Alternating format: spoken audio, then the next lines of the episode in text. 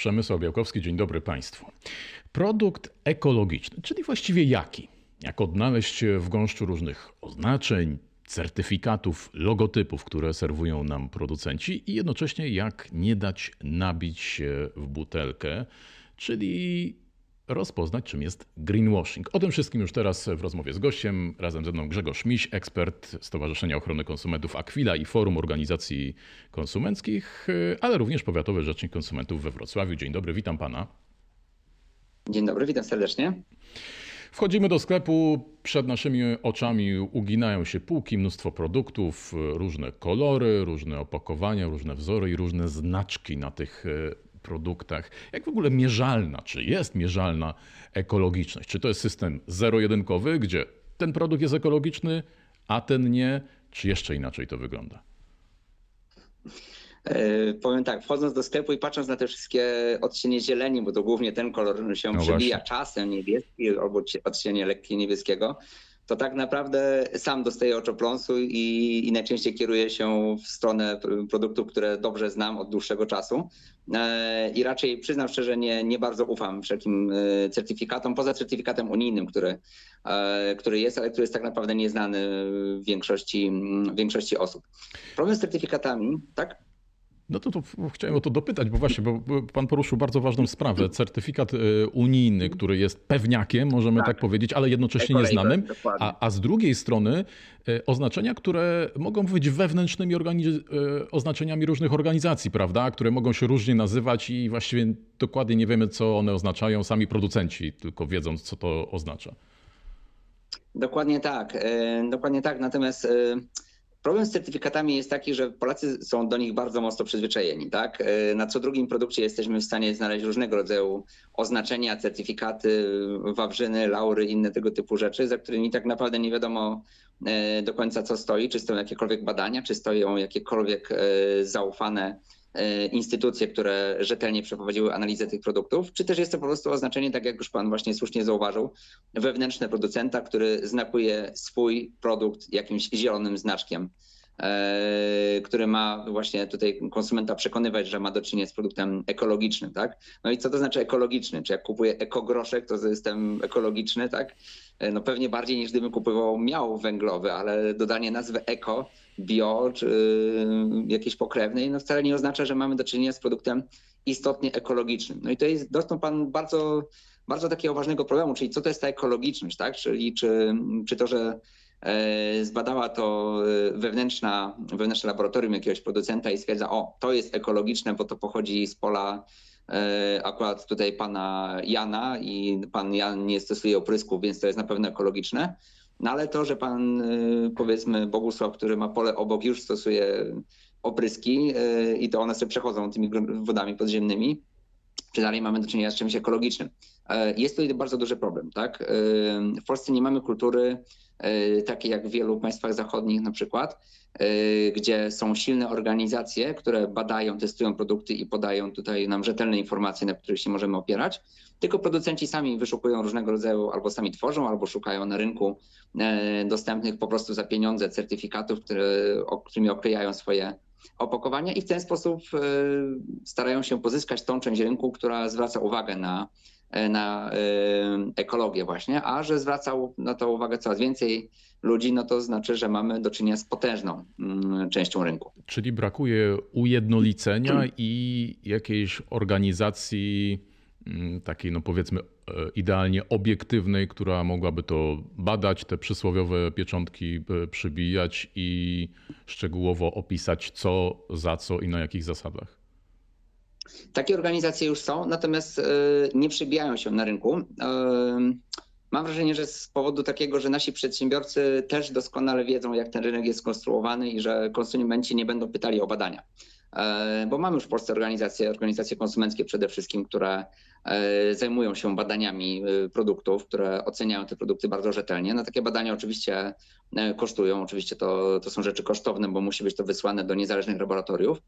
E, ale konsument przychodząc do sklepu tak naprawdę nie ma tej świadomości i tak naprawdę jemu jest wszystko jedno, czy kupi produkt z takim zielonym znaczkiem, czy z innym zielonym znaczkiem. Więc jeżeli producent ma do wyboru e, zapłacić kwotę X e, i, i dostać po prostu zielony znaczek, albo zapłacić 10 razy X i dostać znaczek który będzie tak naprawdę z jego punktu widzenia tym samym, znowu zielonym znaczkiem, no to wiadomo, prawda, ekonomia jest tutaj nieubłagana. I póki tak naprawdę nie dojdziemy do tej edukacji, nie dojdziemy do tego, żeby ludzie mieli pełną świadomość, kto stoi za badaniami, kto stoi za nadawaniem certyfikatów i jak one są nadawane, e, no to będziemy mieli właśnie taką wolną Amerykankę, troszeczkę dziki zachód e, w tych oznakowaniach, no i będziemy narażeni na to, co jest przedmiotem naszej rozmowy, czyli tą ekościemę. To jeszcze o tej dobrej stronie, e, czyli o tym unijnym certyfikacie. Co on właściwie oznacza, komu jest nadawany, w jaki sposób go dostać? Mhm. Przede wszystkim jest on nadawany w sposób bardzo, bardzo obiektywny. Tam nie ma, nie ma możliwości. E, to nie jest tak, że płacimy za... i dostajemy zieloną nie, pieczątkę. Nie, nie, nie. To nie jest tak, że, e, że płacimy i, i dostajemy. Tam jest badany tak naprawdę y, tylko przez wyspecjalizowane jednostki certyfikujące, czyli takie, które przeszły same najpierw odpowiednie procedury kontroli jakości. Jest on nadawany dopiero wtedy, kiedy zbadany jest cały cykl życia produktu, tak? czyli od momentu jego wytworzenia, e, żeby było wytwarzany z jak najmniejszą szkodą dla, dla środowiska. E, no nie, część z nas wie, część nie, że zwykły t-shirt, wyprodukowanie jednego t-shirta to jest 2000 litrów wody. E, tak, a tych t-shirtów przecież sprzedaje się mnóstwo, więc patrzymy najpierw na moment produkcji, później patrzymy na, mm, na moment tego transportu tak, no bo transport również wytwarza bardzo dużo, bardzo dużo ma wpływ na środowisko negatywny, więc im bardziej lokalnie, tym lepiej, no bo jeżeli mam coś produkowane 50 km od siebie, a 5000 km, no to ślad węglowy zostawiany chociażby przez samoloty, statki, e, ciężarówki mm, jest dużo mniejszy w tym pierwszym przypadku niż w tym, gdzie sprowadzam coś z drugiego końca świata. E, dalej patrzymy na naprawialność tegoż, e, tegoż produktu. Czy ten produkt po miesiącu mi się zepsuje i, i, muszę go wyrzucić, czy też po miesiącu, jeżeli się nawet zepsuje, to mam możliwość go stosunkowo tanim kosztem naprawić. Dalej, opakowanie tegoż produktu, czy znowu mam potworne ilości zupełnie zbędnego plastiku, czy też e, jest to opakowanie, które nadaje się do łatwego recyklingu i samo w sobie nie jest, e, nie jest towarem, który będzie zaśmiecał naszą, e, naszą planetę. Dalej, E, czy e, ten produkt jest trwały. Bo bardzo dużym problemem, e, myślę, że to przynajmniej z mojego takiego punktu widzenia jeden z największych, jest to, że produkty są po prostu nietrwałe. Całkowicie wręcz nietrwałe jest szeroko komentowany fakt postarzania sztucznego tych, tychże produktów i to, że te produkty po ustaniu odpowiedzialności sprzedawcy, czyli po, najczęściej po tych dwóch latach, ewentualnie gwaranta, jeżeli on daje trochę dłuższą gwarancję, E, to po prostu w niedługim czasie ten produkt nam się zepsuje i myślę, że każdy z Państwa to zauważył. Ja to obserwuję tak naprawdę non-stop we wszelkiego rodzaju, przede wszystkim w sprzętach AGD, ale również e, w smartfonach różnego rodzaju, w e, odzieży, w obuwiu. Bardzo dużo ciekawych wątków i tutaj będę dopytywał teraz po kolei. To może od, od, końca zaczniemy, bo wspomniał Pan o tych produktach AGD, ale przecież funkcjonuje od niedawna mm, taki przepis, który się nazywa prawem do naprawy. On jest e, kontrolowany przez UOKiK, który zakłada, że producenci powinni zapewniać części zamienne do dużego sprzętu AGD. To jest właściwie nowość, bo rzeczywiście, e, gdy to cofniemy... funkcjonuje. Jeszcze nie funkcjonuje. To jeszcze nie, to okay. jeszcze nie, to tak naprawdę dopiero weszło na stronach unijnych pojawił się pro, propozycja się pojawiła takiej dyrektywy o prawie do naprawy. To jest element y, Green Dealu tak naprawdę, czyli jednej z pakietu takich trzech ustaw, które, y, czy dyrektyw unijnych, które właśnie mają zapewnić konsumentowi prawo do tego, aby przez okres 5-10 lat, w zależności od tego, z jakim mamy do czynienia produktem, miał dostęp do części zamiennych i mógł ten produkt nawet odpłatnie, ale jednak naprawić. I tak, to jest bardzo dobry kierunek, to jest bardzo dobra zmiana. E, jest to protestowywane przez część, e, przez część e, środowiska producentów, moim zdaniem niesłusznie.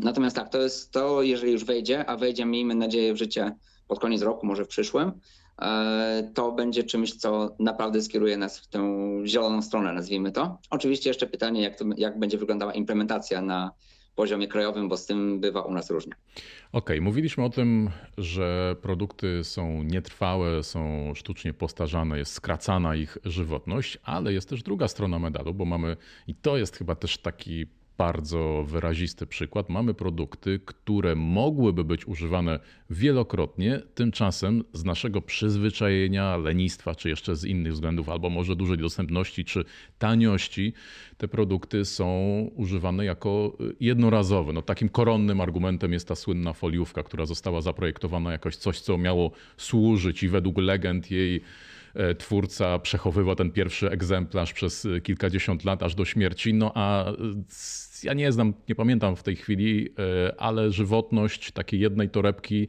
jest liczona w minutach czy może w godzinach, a przecież moglibyśmy tego plastiku używać, no bo to się tak szybko nie niszczy. Mhm. No właśnie, niestety ta żywotność jest bardzo, bardzo krótka. Też często jakość niestety tych foliówek, bo nawet jeżeli zdarzy mi się już gdzieś dostać coś w takiej foliówce, to staram się użyć czy do, do, do śmieci, czy czegokolwiek innego. Niestety one nie są zbyt trwałe. Natomiast czy to jest przyzwyczajenie? Mam wrażenie, że troszeczkę jest inaczej, że to jest raczej kwestia tego, że zostaliśmy przez rynek niemal wtłoczeni w to, aby używać czegoś jednorazowo, aby to szybko wyrzucać, nie naprawiać e, i nie robić z tym nic. Dlatego, że no zauważmy, że pokolenie mm, naszych rodziców, dziadków, e, nawet ja jeszcze ze swojego dzieciństwa pamiętam, że rzeczy, przede wszystkim sprzęt AGD się po prostu naprawiało. E, sam jak miałem magnetowid i chciałem na nim oglądać jakieś filmy, no to nieraz e, szedłem, prawda, z, no, z przysłowiową reklamówką, z tym magnetowidem do osiedlowego punkciku, gdzie siedział starszy pan, który to po prostu naprawiał e, i to funkcjonowało przez ładnych parę lat. Teraz gdybym chciał naprawić na przykład że nie ma odtwarzaczy DVD przecież, bo to już też jest przyszło do lamusa, ale jakikolwiek inny sprzęt, to przecież ze świecą szukać punktu naprawczego. Te wszystkie drobne biznesy popadały, a nawet jeżeli jakieś istnieją, przykład chciałem ostatnio piekarnik naprawić, w którym się zepsuła grzałka po nieco ponad dwóch latach używania. E, swoją drogą wcześniej nastąpił wybuch tego piekarnika jeszcze za czasów odpowiedzialności sprzedawcy, tak? Ciekawa sytuacja. E, da się odnaleźć w mediach, bo była opisywana, to podpowiem. Natomiast tuż po upływie dwóch lat piekarnik po prostu przestał grzać od spodu. Znalazłem punkt naprawczy, jedyny w całym Wrocławiu chyba, drugiego nie, nie, nie byłem w stanie znaleźć. No i słyszałem, że tak, że to jest po prostu bardzo kiepskiej jakości grzałka, która jest tak zaprojektowana, że mniej więcej po tych dwóch latach ona ma się przepalić. Na drugim biegunie mogę powiedzieć, że moi rodzice używają do tej pory świetnego tostera, e, produkcji polskiej z lat chyba jeszcze 70., jeżeli dobrze kojarzę. I tam też jest po prostu jedna prosta grzałka, która do tej pory świetnie działa, a była używana przez cały czas, nie stała bynajmniej gdzieś na stryku. Więc da się to zrobić? Da się. Tylko trzeba chcieć.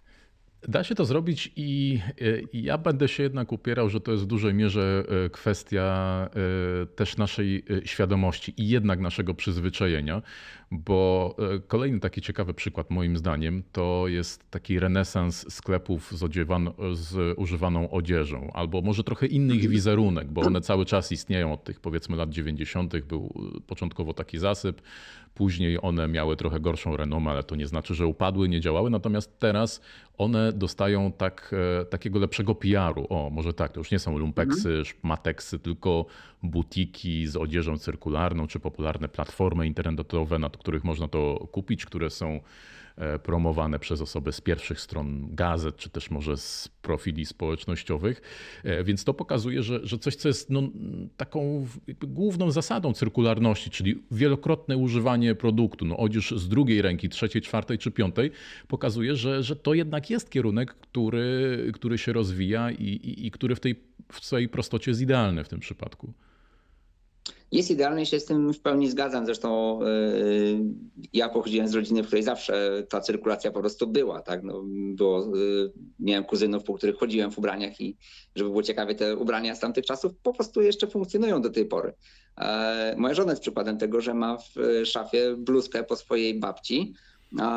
Bluzka została kupiona w latach 60 tak? I ona do tej pory funkcjonuje, ona ma te same kolory, które miała wcześniej, tak? Więc e, jak najbardziej ten kierunek jest słuszny i no miejmy nadzieję, że te właśnie zmiana tych zachowań konsumentów, która tak naprawdę to jest ostatnie mniej więcej 20-30 lat, że e, myśmy zaczęli tak bardzo konsumpcjonistycznie podchodzić do, e, do życia i kupować ciągle nowe, tak? Pojawiało się nowe, to trzeba było kupić, kupić, kupić i w końcu wpadliśmy właśnie w to, o czym pan mówi, tak? Że łatwiej już mi jest wyrzucić tego mm, zużytego smartfona po dwóch latach, kupić sobie nowy, a nie tam go ciągle e, ciągle naprawiać. Ale myślę, że to jest na tyle krótki okres, że jednak łatwo nam się będzie w tą drugą stronę przekierować i to między innymi te, mm, te butiki, czy dużo różnych takich oddolnych ruchów, gdzie ludzie się po prostu wymieniają różnymi towarami, czy oddają E, towary, których już nie potrzebują, a które są w całkiem dobrym stanie, no to jest właśnie słuszny kierunek i, no i w tym cała, cała nasza nadzieja, ale też myślę, że tutaj warto warto troszeczkę posłuchać głosu tego starszego pokolenia, bo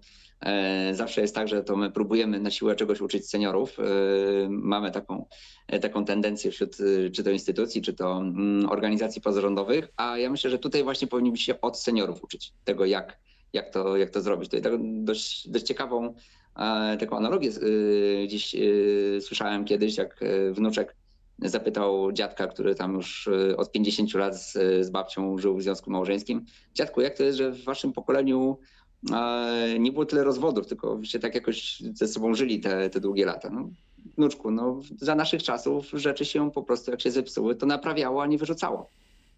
Więc myślę, że to jest też taka dobra, dobra analogia, ale, ale faktycznie powinniśmy się uczyć od tych starszych pokoleń, że rzecz raz kupiona powinna funkcjonować dłużej. Powiem jeszcze taką myśl, która mnie naszła, jak przygotowywałem się do dzisiejszego spotkania e, i nie ukrywam, nawet rozmawiałem tutaj na ten temat e, z żoną w tym temacie i sami doszliśmy do wniosku, że jak w ostatnich latach kupuje się sprzęt AGD, to wybiera się najczęściej, czyli tak duża część osób naszych znajomych kupuje po prostu ten tańszy, wychodząc z założenia, że on i tak się zepsuje za te dwa lata, więc nie ma sensu w niego inwestować. Gdyby było tak, że sprzęt droższy równa się bardziej trwały, taki, który wytrzyma nam te 10 lat, no myślę, że bardzo wiele osób na to by się zdecydowało, tak? Tak jak mówią w Niemczech, nie stać nas na kupowanie tanich rzeczy. Okej, okay, ale tutaj pewnie to musiałoby przejść na stronę producentów, czyli bardzo wyraźne, jasne zasady, jaka jest żywotność danego e, produktu, że są dostępne części, że można to naprawiać i, i, i tak dalej. Ale to właśnie przejdźmy teraz już trochę bardziej na stronę e, producentów. E, mhm. Zaczęliśmy od, wspomnieliśmy o greenwashingu, czyli o tych nieuczciwych e, praktykach e, producentów. E, to się wzięło, to, to, też nie jest wcale jakaś szczególnie stara rzecz. To lata 80. Stany Zjednoczone i, i przykład hotelu, w którym ręczniki były wymieniane codziennie, ale ktoś padł na pomysł, że przecież no nie trzeba ich wymieniać codziennie i warto poinformować o tym, konsumentów, klientów, gości hotelowych, że no przecież dla dobra planety, no to po co prać codziennie, po co używać wody, detergenty, jak można to robić częściej. E, no i tak się to narodziło i pewnie e, takich przykładów pojawia się więcej. Jak taki konsument ma sprawdzić, czy dowiedzieć się, czy rozpoznać, co jest uczciwą praktyką, której firmie rzeczywiście to dobro środowiska leży na sercu, a która w ten sposób chce się wybielić, czy też e, wyzielenić. Wspomnieliśmy o tym, że na półkach jest trudno rozpoznać produkty, no a co w takiej sytuacji? Mhm. Myślę, że jeżeli chcemy faktycznie być ekologiczni, to wymaga to nas pewnego wysiłku. Tak? E, nas teraz producenci e, przyzwyczajają do tej metody one click. Ja muszę szybko coś kupić, szybko coś zrobić. No niestety tutaj wymaga to zdrowego rozsądku i zastanowienia się przez chwilę, przeczytania tak naprawdę czasem informacji, którą mamy na opakowaniu. No bo jeżeli jest napisane wielkimi cyframi 100%, tak, i mamy tutaj, że to jest opakowanie w 100% do recyklingu, no to wcale nie oznacza, że ona jest w 100% z recyklingu, tak? bo z czego ona jest, to nie wiemy. Więc chociażby takie, mm, takie sztuczki językowe, które na pierwszy rzut oka nam się po prostu, nasz mózg przyjmuje, no 100% recykling, ok, jest ekologicznie, tak? Ale czy na pewno? No nie wiemy. Dalej, kwestia właśnie certyfikatów. Myślę, że bardzo ważne by było e, prowadzenie kampanii edukacyjnych dla konsumentów, aby do, dobrze znali certyfikaty, którymi są oznaczane produkty. Ostatnie badanie Federacji Konsumentów, znakowanie ekologiczne niejedno ma imię, bardzo polecam w ogóle ten raport, pokazuje, że e, Polacy są chętni do wybierania produktów ekologicznych. E, no jak się wchodzi w szczegóły, no to już niekoniecznie do końca wiedzą, co to są te produkty ekologiczne. Natomiast dość dobrze znają te wszystkie znaczki. Znaczy, znają je z widzenia, nie bardzo wiedzą, co, co który oznacza. Co się okazuje? Najbardziej znanymi znakami wcale nie jest y, ten znak unijny czy znak Fairtrade, e, tylko właśnie oznaczenie używane przez jednego z producentów do oznaczania po prostu rolnictwa ekologicznego, tak? E, no i to jest nie, nie wchodząc w szczegóły, bo ja nie znam mm, jakby metodologii badań tego, tego producenta. Być może jest dobra, być może nie. Natomiast e, jakby widzimy, że tutaj te środki skierowane na reklamę, na rozpromowanie tego znaku zadziałały. Więc myślę, że, że to jakby drogą do tego, żeby konsumenci byli w stanie rozeznać się w tym gąszczu, jest po prostu znajomość znaków certyfikujących oraz druga moim zdaniem bardzo ważna rzecz to zaufanie do instytucji, które te znaki nadają tak? czy to są instytucje, które faktycznie są, e, stoją na straży czy to ekologii, czy to, czy to konsumentów, czy też to są po prostu prywatne przedsięwzięcia, które sprzedają znaki i na tym zarabiają niemałe pieniądze. A teraz Więc... E, zarabia się na tych produktach ekologicznych. One są na tyle mm, oczekiwane przez, przez konsumentów, na tyle modne, że no właściwie nie ma już producenta, który nieważne czy produkuje, czy to jest węgiel, czy, czy to jest żywność, ale to po prostu musi być eko, bo w tych czasach inaczej się nie da. Musi być eko, bo inaczej się nie da. To jest trend na rynku. E, wykorzystywany niestety bardzo często w sposób nieuczciwy, to o czym Pan wspomniał, czyli e, ten greenwashing, e, czyli no, po prostu mówiąc wprost, nieuczciwe praktyki rynkowe, wprowadzanie konsumenta w błąd. Czyli właśnie twierdzenie, że produkt jest ekologiczny, jest bio, jest organiczny, co, wszystkie te synonimy, które możemy sobie użyć, albo danie po prostu zielonego opakowania, mimo że sam produkt w sobie no, no nie jest po prostu rzeczą, rzeczą ekologiczną. No tutaj wszystkie opakowania typu PET, prawda, czyli wykorzystujące plastik, no same w sobie nie są ekologiczne, bo nie są, więc jakby twierdzenie, że nagle teraz zasadzę drzewa, to będę bardziej ekologiczny, y, jak kupicie mój napój w opakowaniu typu PET, to jest greenwashing. To jest po prostu greenwashing i, i niestety musimy na to w ten sposób patrzeć. Także tutaj zdrowy rozsądek, tak? Y, zastanowić się, czy opakowanie, które kupujemy na pierwszy rzut oka, czy ono faktycznie ekologiczne jest. Jeżeli to jest plastik gruby w dodatku, no to nie bardzo, tak? Jeżeli to jest szkło, już bardziej, tak? Czy to jest yy, dalej, czy to się nadaje do recyklingu, czy to możemy wymienić, czy możemy taką, takie opakowanie oddać później za jakąś kaucję. No to są wszystko rzeczy, które są dla nas trochę niewygodne. Mm, I im bardziej coś jest często niewygodne, tym bardziej jest ekologiczne. Też musimy na to tak, e, tak popatrzeć. No nie ma tutaj prostych rozwiązań. Jakby to, to, co już wiele osób podkreśla, że dobrze i wygodnie już było. Okej, okay, a ekologicznie znaczy drożej? Niekoniecznie. Niekoniecznie znaczy drożej, yy, dlatego że to, no te produkty są po prostu tworzone, na, jeżeli na przykład chodzi o żywność, są tworzone naturalnie.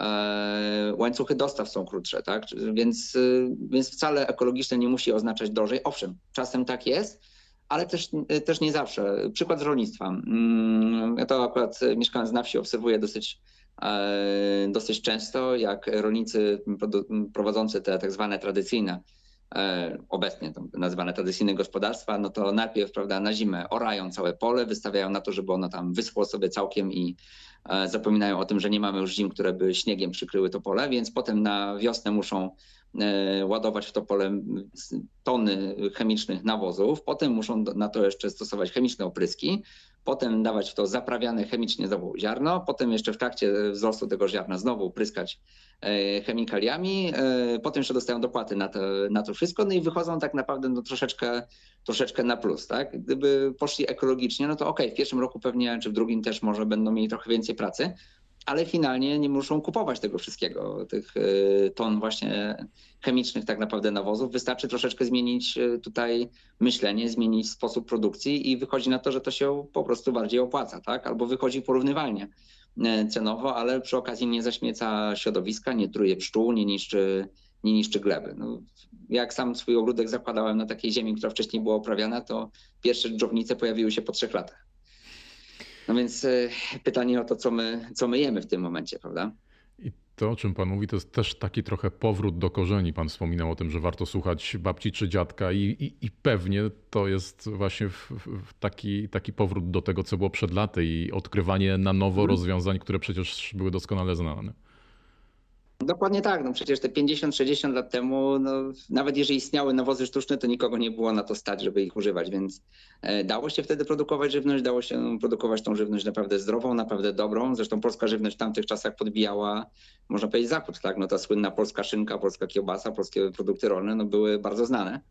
E, no i teraz już chyba tylko lecimy na marce w tym momencie. Już nie, nie, niekoniecznie mamy tak dobre, ekologiczne i, i, zdrowe te produkty. Jeszcze jeden przykład przychodzi mi do głowy, też taki powrót do korzeni, to jest e, zawód szewca. Wydaje się, że już e, niemal na wymarciu kaletnik, o kaletniku to myślę, że to nowe pokolenie już zupełnie nie, nie, nie wie, nie kojarzy, ale szewc mhm. jest też w nowoczesnym wydaniu. Są firmy, startupy, które zajmują się właśnie takim odświeżaniem butów i to niekoniecznie butów skórzanych, ale też takich popularnych e, butów sportowych. E, no ale wszystko znowu jest ładnie opakowane, jest wytłumaczone na czym to działa, jest dodana ta magia cyrkularności, ekologii. E, no a okazuje się, że tak w gruncie rzeczy to przecież jest znany od dziesiątków lat szewc. Jak nie setek lat. Tak, dokładnie. No taka, y, tak to wygląda już. Y, mamy tutaj dużo więcej przykładów, no bo to nie są tylko yy, szewcy, to są również krawcowe przecież, które potrafią naprawić coś, co się lekko, lekko podarło. No kiedyś jeszcze był coś takiego jak pończosznik, kto naprawiał zepsute rajstopy. No, która z pań teraz będzie naprawiała rajstopy? No to się raczej prawda, bierze, wyrzuca i bierze się nowe, prawda? Więc y, tacy rzemieślnicy lokalni czy osiedlowi, którzy mają ten fach, mówiąc kolokwialnie, w ręku, mm, no to jest właśnie ta kwintesencja ekologii, na którą powinniśmy patrzeć, tak? I tutaj oczywiście startupy, te wszystkie opakowania ładne e, tego, startupu, na pewno jest to fajny kierunek, ale myślę, że jeżeli sami chcemy być ekologiczni, jeżeli sami chcemy e, dbać o tą cyrkularność, o tą e, żywotność tych produktów, no to rozejrzyjmy się wokół, zobaczmy, czy na naszym osiedlu nie, nie jest jeszcze jakiś starszej daty rzemieślnik, który będzie wiedział, jak pewną rzecz naprawić, jak jak dać jej drugie życie, a być może również podpowie, które towary lepiej kupować, bo będą, mm, bo będą po prostu dłużej żyły. Tak? Y, kolejny przykład, ostatni, który mi się też rzucił w oczy. Na, na początku się trochę zirytowałem w domu, bo akurat w maszynce do mielenia mięsa chciałem jakieś tam, nie wiem, grzyby czy coś zmielić i no i się zepsuło. Połamał się to, połamała się ta plastikowa część, która e, tym ślimakiem steruje. A nie początku się trochę zirytowałem, mówię, no kto to robi z plastiku, przecież to wiadomo, że się zaraz połamie. Ale jak poszedłem e, i dokupić sobie tą część, okazało się, że jest bez problemu dostępna, e, to człowiek, który sprzedawał tą część mówi, to jest bardzo dobry pomysł, polskiej zresztą firmy, która robi to z plastiku, ponieważ jeżeli macie coś połamać, to się połamie plastik, a nie cały ślimak, a nie cały silnik. Inni, którzy produkują to w całości z metalu, w momencie takiego zacięcia cała maszynka się po prostu niszczy i jest do wymiany. Tutaj kupuję za niecałe 10 zł y, fragment, ok, plastiku niestety, no ale to miejmy nadzieję, że w przyszłości może innego materiału, ale wymieniam tylko taką drobną część, a cała reszta działa, tak? I maszynka no, działa już ponad 10 lat, mogę powiedzieć. No i trafiło na, świadomego, trafiło na świadomego konsumenta, więc yy, zachęcamy y, do tego, bo pewnie znaleźliby się ludzie, którzy po prostu wyrzuciliby to do śmieci i kupili nową e, maszynkę. Bardzo dziękuję za te wszystkie rady, za te wszystkie informacje. E, myślę, że wniosek z naszej rozmowy jest taki, że to drugie, trzecie, czwarte czy piąte życie nie jest przereklamowane i warto o tym pamiętać, warto rozglądać się wokół siebie. Grzegorz Miś, ekspert e, Stowarzyszenia Ochrony Konsumentów Aquila i Forum Organizacji Konsumentów, a także rzecznik konsumentów we Wrocławiu. Bardzo panu dziękuję. Wszystkiego dobrego. Dziękuję serdecznie, wszystkiego dobrego, do widzenia. Państwu też dziękuję. Zapraszam, zachęcam do oglądania kolejnych odcinków wideokastów Zielonej Interii. Przemysław Białkowski. Kłaniam się, do widzenia, do zobaczenia.